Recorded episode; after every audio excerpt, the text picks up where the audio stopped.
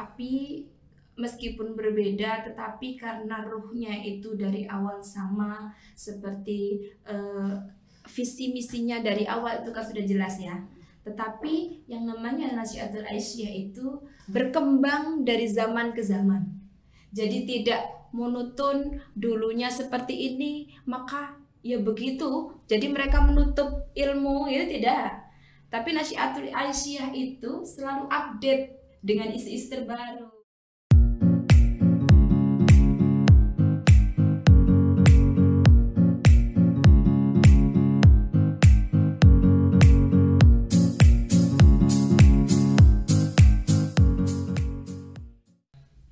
Assalamualaikum warahmatullahi wabarakatuh.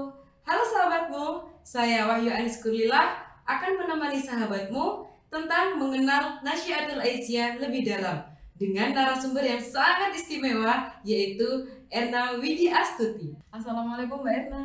Waalaikumsalam warahmatullahi wabarakatuh. Gimana kabarnya baik? Alhamdulillah sampai hari ini sampai jam ini alhamdulillah sehat-sehat. Alhamdulillah. Gimana? Apa kesibukannya ini? Uh, kesibukannya di rumah sebagai ibu jelas pasti terus jalan sebagai istri sudah pasti terus jalan sebagai pendidik juga alhamdulillah. Kemudian sebagai aktivis organisasi juga harus selalu semangat gitu ya. Berarti masih aktif sampai sekarang organisasi ya iya. nah alhamdulillah.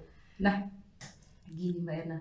Uh, hari ini kita kan akan itu mengenal lebih dalam tentang Nasyiatul Aisyah. Nah, karena Mbak Erna ini uh, apa ya? ketua pimpinan daerah Nasyiatul Aisyah. Mungkin iya, teman-teman juga uh, banyak yang nggak tahu ya Mbak Erna itu siapa, itu Mbak Erna itu siapa uh, Mbak Erna tuh yang mana itu? Iya, Sering iya. kali tanya ke teman-teman itu, ketuanya Nasyiatul Aisyah itu siapa? Ada namanya Mbak Erna. Di mana rumahnya di Jakarta? Jauh sekali gitu. Jauh sekali kenapa kok? Kenapa iya, kok nggak iya. apa? Nggak ngambil yang di Jember itu? Karena memang eh, Mbak Erna memang orang yang terpilih, jadi akhirnya mau tidak mau Mbak Erna lah ketuanya gitu. Jadi setelah ini, setelah ini Jember, nah ini ketuanya Allah, Allah. Nah, jadi sebenarnya NA itu sendiri itu um, apa sih? Nasyiatul Aisyah gitu ya. Mbak Anis Nasyiatul Aisyah itu karena kita berbicara tentang organisasi ya, makanya kita berbicaranya juga tidak akan lepas dari yang namanya aturan atau uh, dalam organisasi biasanya ada anggaran dasar dan anggaran rumah tangga gitu ya. Uh, di dalam anggaran dasar uh, nomor 2, Nasihatul Aisyah nomor 2 di sana disebutkan bahwasanya uh, Nasihatul Aisyah itu adalah uh, organisasi otonom Muhammadiyah yang merupakan gerakan putri Islam yang bergerak di bidang perempuan, keagamaan, kemasyarakatan dan pendidikan begitu. Jadi secara umum eh, Nasihatul Aisyah itu organisasi otonomnya Muhammadiyah yang itu isinya adalah perempuan gitu ya. Eh, yang merupakan cikal bakal Aisyah begitu. Oh, begitu. Jadi uh, itu runtutannya di, uh, jadi di bawahnya Aisyah gitu iya, ya. Betul. Oh. Aisyah muda. Oh, Aisyah iya. muda. nah, tapi itu sendiri uh, dari usia berapa kita itu bisa masuk ke Aisyah? Uh, maaf, di Nasyiatul Aisyah. Iya. Uh, di dalam anggaran dasar juga disebutkan anggaran dasar nomor 3 di sana pasal 3 di sana disebutkan bahwasanya uh, anggota Nasyid Asia itu antara usia 17 sampai 40 tahun. 17 sampai 40 tahun. Tetapi ya. di sana dijelaskan kembali pada anggaran rumah tangga. Mm -hmm. uh, di sana disebutkan bahwasanya anggota Nasyatul Aisyah itu dibagi menjadi tiga yang pertama adalah anggota organisasi seperti yang barusan saya bisa sampaikan usia 17 sampai 40 tahun. Hmm. Kemudian yang kedua adalah organisasi tunas. Artinya eh, anggota itu berada di bawah usia 17 tahun itu di artinya boleh 17, 17 tahun, tahun itu ya. artinya boleh loh ya oh iya selama dalam tanda kutip tadi perempuan gitu lah ya oh iya. begitu ya. kemudian Lalu? yang ketiga adalah anggota istimewa anggota istimewa ini adalah anggota yang uh, dia itu memiliki uh, loyal yang tinggi terhadap organisasi, organisasi Nasyatul Asia. Kemudian dia juga uh, memiliki keahli, keahlian yang bisa memajukan organisasi. Dia memang anggota yang istimewa. Jadi di anggaran rumah tangganya itu dijelaskan um, tiga bagian tadi. Oh gitu. begitu. Jadi ada tiga itu ya. Iya. Oh berarti betul sekali. Uh, kalau misalnya ada misalnya di bawah 17 tahun itu masih bisa bernasihat. Uh, bisa Tapi bernasihat. dia kategorinya adalah nasihat tunas tadi. Sekarang oh, begini Mbak Nis. Gitu. Uh, kita itu kan 17 tahun hmm. sampai 40 tahun gitu ya. Usia rentan yang itu itu menurut saya rentannya cukup cukup uh, banyak sekali ini ya, jenjang ya. 17 tahun mungkin belum nikah gitu ya. Kemudian uh, ada berapa usia setelah itu baru menikah di dalam 40 tahun tadi? Ada baru menikah. Kemudian uh, punya anak-anak kecil. Kemudian uh, bahkan kalau 40 tahun bisa jadi anaknya sudah SD kelas-kelas atas atau mungkin sudah ada yang SMP begitu ya. Padahal kalau uh, kita sebagai ibu-ibu gitu ya yang namanya ibu tugasnya kan selain menjadi uh, peran berperan di organisasi seperti ini juga tetap perannya sebagai ibu otomatis kan ya tetap jalan gitu ya. Otomatis menjaga anak bagian yang sangat penting gitu ya. Jadi misalkan kita mau pengajian mau kita ke mana anak juga pasti dibawa gitu ya. Tidak luput hari ini saya. Ya, jadi saya ke sini juga bawa ya. iya otomatis gitu ya. Makanya uh, ini kalau uh, kalau anggota tunas tadi ya Mbak Anis ya itu banyak kita jumpai di cabang dan ranting hmm. gitu ya karena di sana itu otomatis kalau pengajian bawa anak kecil sama ibu-ibu kalau kita gabung jadi satu itu nggak akan nyambung gitu jadi yeah, memang iya, kita yeah. buatkan uh, wadah sendiri-sendiri nanti yang kecil itu sama yang kecil berarti materinya juga menyesuaikan yang kecil oh. uh, dibuat menarik begitu kalau kita yang dewasa perbincangannya juga tentang yang lebih dewasa lagi jadi tidak anak-anak lagi tidak kita campur begitu biar oh begitu. lebih maju lagi nasihat ke depan begitu tapi itu semua masih berjudul Nasihatul Aisyah ya. Ya. Oh, meskipun usianya juga kurang apa ya? dari kurang dari tahun oh. seperti yang di anggaran dasar tadi tapi kita juga tidak menyalahi kenapa oh, oh. karena memang sudah dijelaskan di anggaran rumah tangga begitu uh, gini mbak apa itu tidak ada wadah tersendiri untuk anak-anak yang di bawah itu uh, begini mbak Anis di Muhammadiyah itu sebenarnya satu paket gitu ya. Muhammadiyah itu satu paket dengan urtum-urtumnya berpakai uh, baju yang namanya Muhammadiyah itu gitu ya. Jadi tidak heran ketika uh, di bawah gitu ya. Ketika hari ini jam ini saya pakai seragam nasi hmm. Aisyah. Kita sama. Kemudian uh, tiga jam berikutnya kita nah. berada di tempat berbeda, kita pakai seragam berbeda begitu. Oh. Misalkan Hizbul Waton yeah. gitu ya.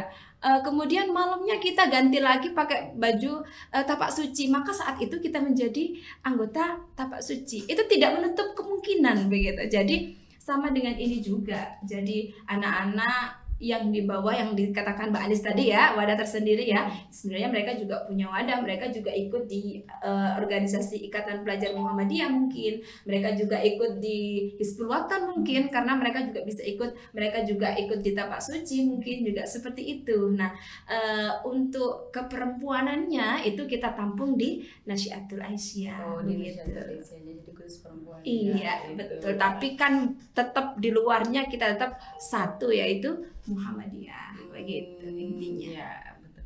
Nah, sekarang gini, Mbak. Uh, apakah Nasyatul Aisyah itu memiliki visi misi yang gimana ya? Yang harus dipegang teguh sampai saat ini? Iya, kalau visi misi uh, jelas jelas harus ada ya. Hmm. Yang namanya kita organisasi pasti ada visi dan misinya begitu ya. Uh, visi Nasihatul Aisyah itu juga tercantum di dalam anggaran dasar gitu ya, yakni anggaran dasar nomor 5 yakni terbentuknya putri Islam yang berarti bagi keluarga, bangsa dan agama menuju terwujudnya masyarakat Islam yang sebenar-benarnya sesuai dengan tujuan Muhammadiyah begitu ya. Itu visinya. Kemudian misinya, misi Nasihatul Aisyah itu uh, ada beberapa begitu ya. Ada beberapa hal. Yang pertama adalah jelas sama dengan Muhammadiyah kita adalah selain organisasi Islam kita juga organisasi dakwah gitu ya. Maka uh, misi kita yang pertama adalah dakwah Islam amar ma'ruf nahi mungkar begitu. Itu yang pertama. Kemudian yang kedua uh, melaksanakan pencerahan dan pemberdayaan perempuan hmm. menuju masyarakat yang bermartabat gitu ya. Jadi kita sebagai perempuan tidak hanya stagnasi diam saja terima eng pandom katanya katanya orang dulu gitu ya. Hanya diam kemudian mengikuti. Tapi kita juga e, berpikir kita juga memberdaya begitu. Kemudian e, yang ketiga adalah kita menyelenggarakan amal usaha dengan meningkatkan peran Nasyiatul Aisyah sebagai pelopor pelangsung dan penyempurna perjuangan Muhammadiyah itu sudah pasti ya hmm. karena tujuan kita emang nanti kita ke depan otomatis kita menjadi orang Muhammadiyah begitu. Oh gitu. Berarti memang visi misinya itu sangat spesial sekali ya. Iya, ya? jelas memang sudah seperti itu. Gitu. Sangat spesial sekali. Nah, gimana caranya kita itu untuk menguatkan visi misi itu supaya tidak luntur ke kita? Terkadang kita kan sudah masuk ke Nasyiatul Aisyah. Iya. Nah, di tengah jalan kita itu tiba-tiba udah ah capek. Nah gitu. Gimana itu kalau mengat uh, mengatasi hal yang seperti itu? Iya, iya. udah ah capek. Ribet sama anak ribet yang ini ribet iya, kerjaan. iya, betul gimana gitu. sekali betul sekali mbak Anis ya. Itu betul sekali. Itu memang nasihatul Aisyah ya seperti itu gitu ya. Itu bukan hanya wacana tapi itu memang kenyataannya seperti itu. Jadi menurut saya gitu ya yang paling penting yang paling utama adalah kita harus betul-betul memantapkan niat kita gitu lah ya. Karena yang namanya niat kalau tidak kita mantapkan maka eh, ketika kita di depan yang namanya perjalanan itu kan tidak selalu mulus ya mbak nah, ya ketika kita menemukan sandungan iya, kita akan mudah sekali patah bahkan mungkin motong gitu ya cara Jawa nih motong iya. gitu ya motong kemudian pulang kampung sudah. Nggak usah mikirin organisasi bikin ribet nggak ada hasilnya gitu ya. Mending bikinin anak mikir keluarga bikin cari nafkah dan seterusnya. Itu generasinya motong. Nah ketika uh, di awal niat kita itu sudah kuat gitu ya kita sudah memantapkan niat maka hal yang seperti itu tidak akan terjadi. Ketika kita bertemu dengan suatu uh, tantangan kita akan menjadi lebih kuat ketika kita bertemu dengan uh, dikritik orang misalnya otomatis ya ketika kita tidak ada di uh, di luar pasti orang tidak akan melihat kebaikan kita secara terus menerus begini ya. Pasti yang banyak itu justru disorot kesalahan yang kita lakukan ya, gitu pasti. Ketika kita dikritik diprotes gitu ya ketika kita hatinya niatnya itu kurang mantap pasti kita langsung akan wah aku sudah capek-capek kayak gini ternyata saya diprotes gitu ndak ada dilihat gitu ya. Ya tapi ketika niat kita mantap ya kita akan tetap berdiri tegak tentu saja dengan memegang teguh apa yang sudah menjadi visi dan misi kita sebagai nasihatul aisyah begitu. Oh begitu. Nah untuk mbak Ella sendiri nih ya uh, masuk Nasyiatul Asia itu di usia berapa? Atau 17 tahun itu atau di bawah 17 tahun itu sendiri? Saya itu Mbak Anis. Saya tadi kan Mbak Anis sudah bilang ya, rumah saya di Cakru ya. Iya. Cakru itu ujung sudah sudah hampir di uh, pantai gitu ya. Di bahkan perbatasan dengan uh, Kabupaten Lumajang gitu ya. Iya. Iya betul sekali. Saya tinggalnya di kampung. Saya tinggalnya saya berawalnya bernasiah itu dari ranting tidak ujung-ujung sampai di sini tidak. Hmm. Saya bukan kader yang tiba-tiba datang di sini tidak. Saya betul-betul kader yang dari awal dari nol. Hmm. Orang tua saya itu juga saya bukan uh, Muhammadiyah keturunan bukan. Hmm. Uh, orang tua saya mungkin ya simpatisan tapi simpatisannya juga kecil gitu ya karena mungkin di sana juga uh, belum terlalu begitu. Nah, saya ikut Nasyiatul Aisyah dulu juga hanya ikut bawah waktu dia saya masih kecil gitu. Cuma diajak ayo pengajian ayo budal gitu. Pengajian di sana diajari diajari jadi petugas kemudian disuruh latihan berbicara kemudian diajak diajari nyanyi Nasyiatul Aisyah. Bagi anak-anak menyanyi itu kan juga bagian yang menyenangkan yeah. gitu ya. Nah sama seperti saya dari nol belum mengerti itu apa Nasyiatul Aisyah tapi saya ikutnya hanya dalam kata ayo pengajian begitu. Jadi betul-betul saya mengawali nasihatul Aisyah itu dari nol. Begitu dari nol ya? Iya. Dari usia berapa? Ya paling SD? kalau uti oh usia mungkin SD ya kali ya? TK bisa jadi Oh, bisa jadi? bisa jadi. Siapa yang membawa jenengan itu tiba-tiba ayo ikut pengajian. Kalau di kampung itu kan modelnya gini ya ada orang yang ikut ayo ikut pengajian gitu ya. Ayo ayo ayo cuman ayo ayo saja gitu. Cuman nimbrung nimbrung nimbrung gitu. Diajak gitu ya ayo gitu aja. Jadi tidak ada yang eh, seperti visinya jelas gitu. Ayo kalau kita sekarang zaman sekarang kan harus gitu ya jelas ya kalau mau ngajak-ngajak orang ajakannya itu jelas kalau dulu enggak ya cuman ayo ikut pengajian ayo gitu langsung tinggal ayo ikut Iya. ya ayo gitu ya seiring waktu Mm. eh, darah bernasiah itu eh, muncul dengan sendirinya begitu. oh begitu dan sampai sekarang Insya Allah, insya Allah Eh. sampai sampai kapan pun insya Allah. Eh, insya Allah. Nah, ini karena kan Mbak Erna sekarang kan eh, maaf di usia berapa sekarang? A- apakah mau meninggalkan apa mau udah mau masuk ke jenjang selanjutnya atau gimana? Ya, karena kita bermuhammadiyah seperti yang disampaikan tadi ya, Iya, Nasyatul benar. Aisyah adalah cikal bakalnya Aisyah, otomatis eh, di begitu kita sudah berada di tahap yang seperti ini, memang kita sudah tahap-tahap kadaluarsa. Bahkan teman-teman kita gitu ya, eh, di tahap-tahap yang di usia-usia 35 ke atas gitu ya, sebenarnya kan masih usia Nasyatul Aisyah itu Mbak Aisyah. Iya. Tetapi pada usia itu teman-teman kita di eh, cabang mungkin gitu ya atau mungkin bahkan di daerah juga sama di ranting juga itu kita sudah mulai mendua gitu ya. Mendua. Oh, mendua. ya. mendua. Dengan Aisyah gitu ya. Kenapa kita mendua? Apa? Tidak boleh gitu ya. Boleh kita mendua. Eh, tujuan kita adalah dalam kita belajar supaya kita bisa mempersiapkan diri masuk menjadi Aisyah itu kita sudah paham gitu ya tapi teman-teman juga sama pada saat mereka mendua gitu ya mereka tidak meninggalkan tugas mereka di dalam mengkader adiknya menjadi nasihatul Aisyah mereka juga tetap bernasihatul Aisyah gitu ya tapi mereka juga membawa kader mereka gitu ya mempersiapkan menggantikan mereka di periode berikutnya. Tapi saya tidak mendua Mbak Anis saya sendiri saja Kenapa itu Mbak dengan alasan? Iya, saya sendiri saja. Saya masih eh, terlalu cinta dengan Aisyah. Alhamdulillah.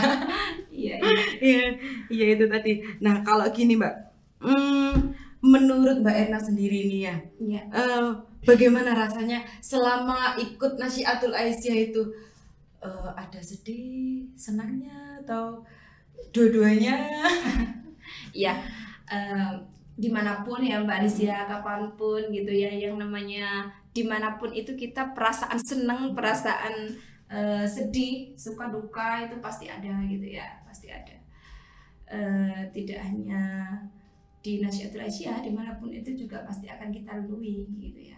Cuman seperti yang saya sampaikan di awal, tergantung niat kita, tergantung kemantapan hati kita bernasiah itu yang akan menentukan eh, suka duka kita. Lebih banyak suka atau lebih banyak duka gitu ya.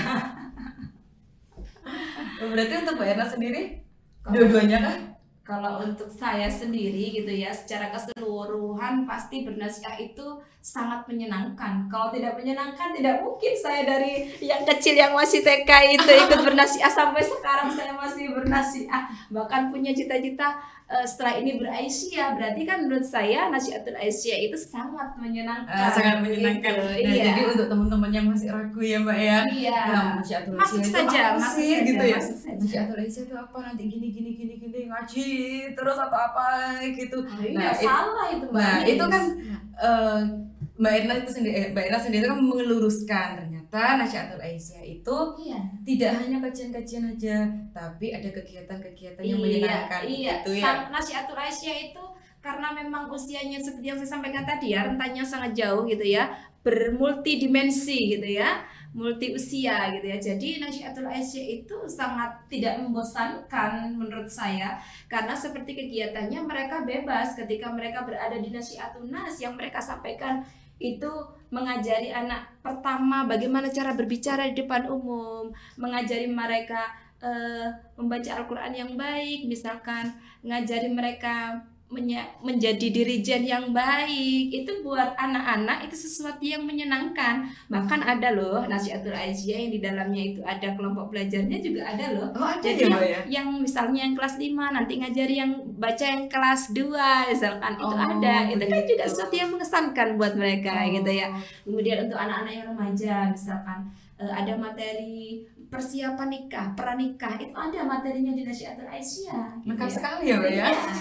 Uh, kemudian ketika uh, di sesudah untuk pembekalan yang yang sudah berumah tangga gini ya atau mungkin remaja-remaja juga bisa itu banyak sekali keterampilan-keterampilan yang diajarkan. Oh, kita kumpul di sini kita bikin keterampilan. Kenapa? Biar itu bisa menambah income gitu. Misalkan ya, jaring-jaringnya itu sangat luas gitu. Karena rentannya memang uh, usia yang multidimensi tadi. Jadi sangat tidak membosankan berada di Nasyiatul Aisyah. Tinggal bagaimana uh, hati kita saja memantapkan di sini begitu. Intinya jangan ragu untuk masuk Nasyiatul Aisyah jangan gitu ya, Pak ya. Masuk di Nasyiatul Aisyah. Nah, pasti akan bertemu uh, dengan sesuatu yang baru-baru. Nah, betul. Kejutan-kejutan. Nah, kejutan-kejutan dari materi semua dari keseharian kita pasti ada di Nasyiatul Aisyah iya, ya mbak ya betul nah itu benar nah terus gini mbak.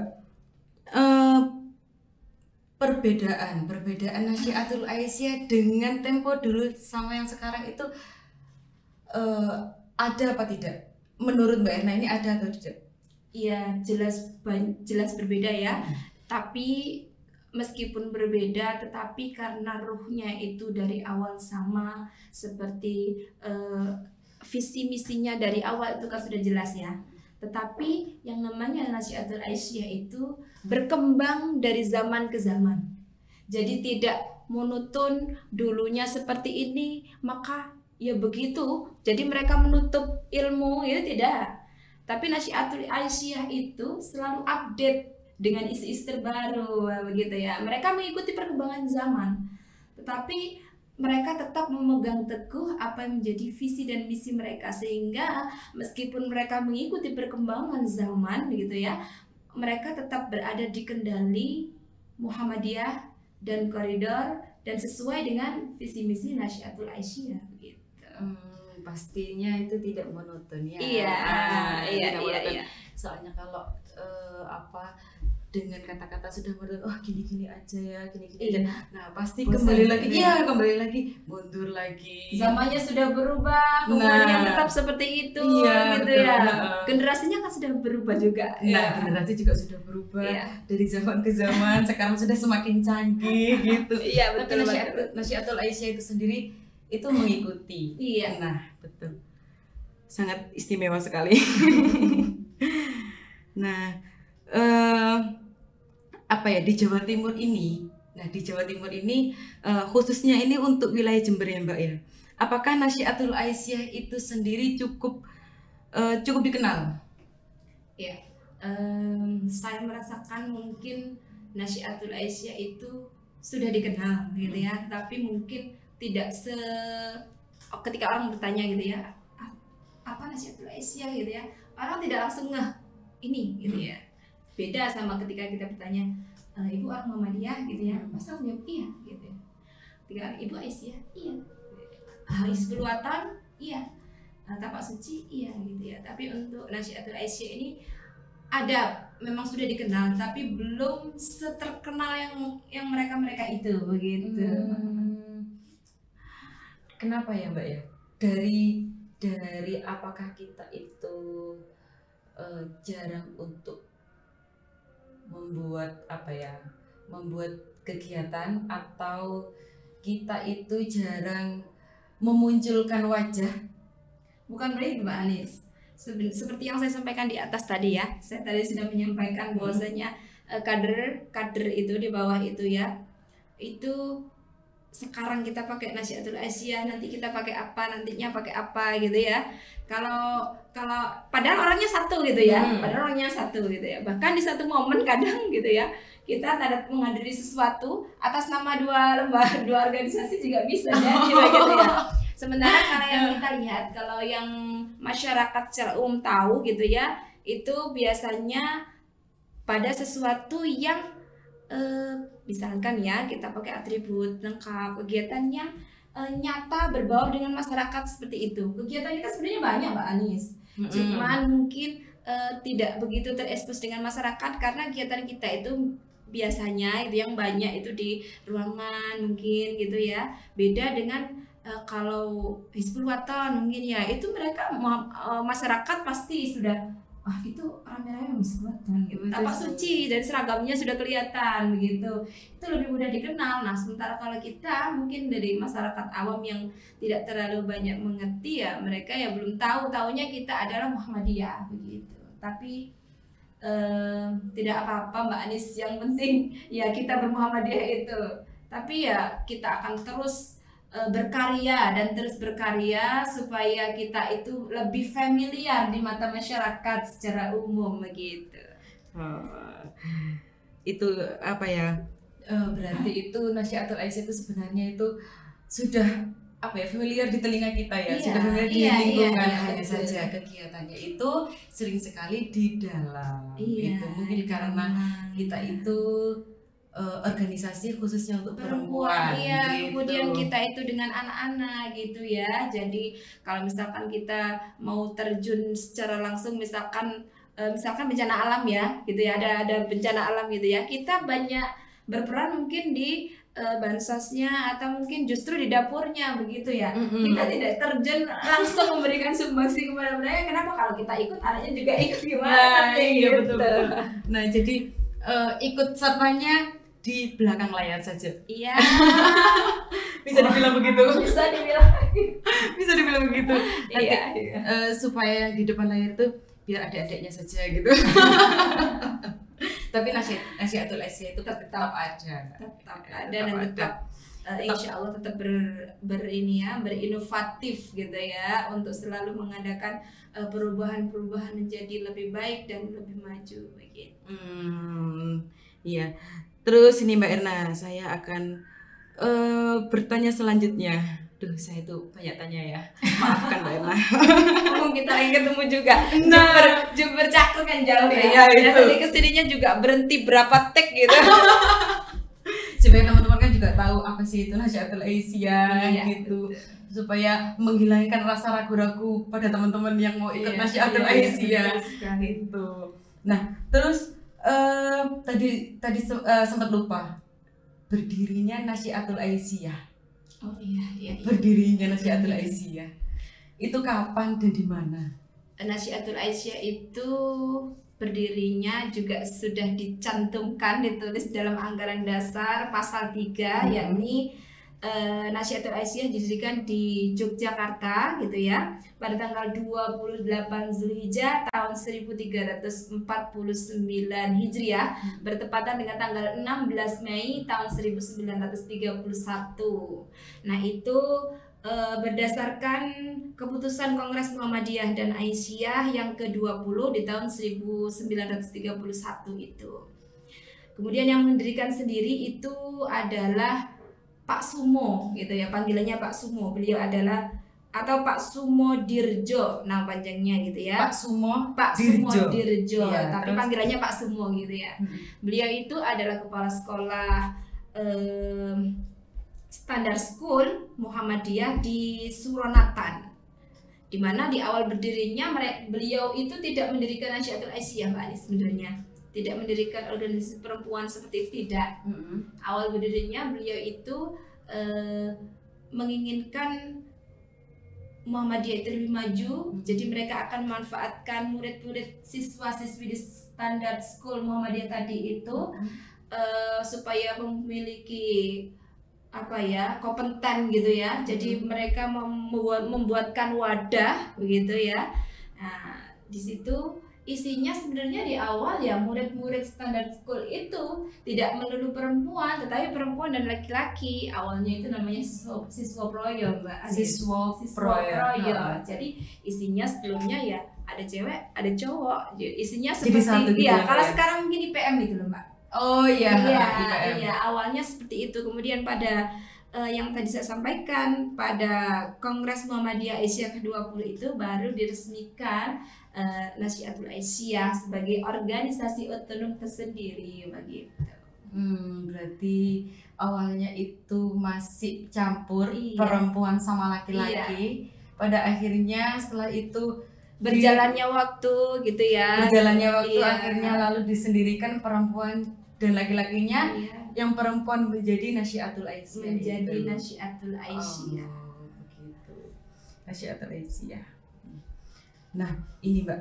Lalu uh, tadi visi misi sudah dijelaskan kepada uh, sama WNA itu tadi itu ya. Nah, jadi untuk apa ya? anggota kita seharusnya kita men, uh, seharusnya uh, mereka menjadi anggota kita. Iya. Tetapi tetap, uh, tetapi mereka menolak. Gimana? Menolak, menolaknya itu enggak ah, aku lebih nyaman di sini, nggak mau nggak mau di Nasyiatul Aisyah. Gitu ya. Ya, seharusnya uh, gini, mereka itu uh, anggota Muhammadiyah. Oh, uh, anggota gitu, Muhammadiyah. Paham, paham. Uh, paham ya maksudnya? Ya, ya, ya, anggota ya. Muhammadiyah. Nah, seharusnya uh, wadahnya wadahnya itu di sini, wadahnya itu di gitu. sini gitu. Wadahnya lebih nyaman di sini. Kenapa kok lebih nyaman di sini? Iya. Nah, uh, untuk Mbak Ena sendiri, bagaimana kalau Mbak Ena itu menghadapi seperti itu? Ya. Uh, di dalam Islam ada ada disebutkan itu ya. Uh, kita itu memang kita mengajak itu boleh ya mm-hmm. mengajak mengajak dalam kebaikan fastafikul khairat nah, kita mengajak kepada kebaikan itu harus gitu ya tapi mengajaknya juga dengan cara yang baik gitu ya kita tidak perlu sama-sama kader kita tidak perlu sampai gontok-gontokan gitu ya. sama-sama dalam kebaikan ya sudahlah tidak apa-apa gitu ya. Tapi kita tetap uh, sebagai sesama muslim gitu ya kalau memang uh, kita mampu gitu ya kita ajaklah. Mengajak itu kan harus ya. Yeah. jadi kita tetap mengajak dia eh, kita sampaikan bahwasanya sebaiknya itu wadahnya itu masih di sini gitu ya sebaiknya yang benar itu di sini gitu kalau kemudian dia pasti ada alasannya kenapa dia di sana? Gitu. dia akan berargumen ketika hmm. kita menjawabnya juga tidak dengan emosi maka tidak akan menjadi perpecahan yang gitu mbak Anis ya uh, kenapa tidak? Saya tadi bilang ada yang kita mendua kenapa tidak? Atau bahkan meniga atau bahkan mengempat. Hmm. kenapa tidak? Gitu ya.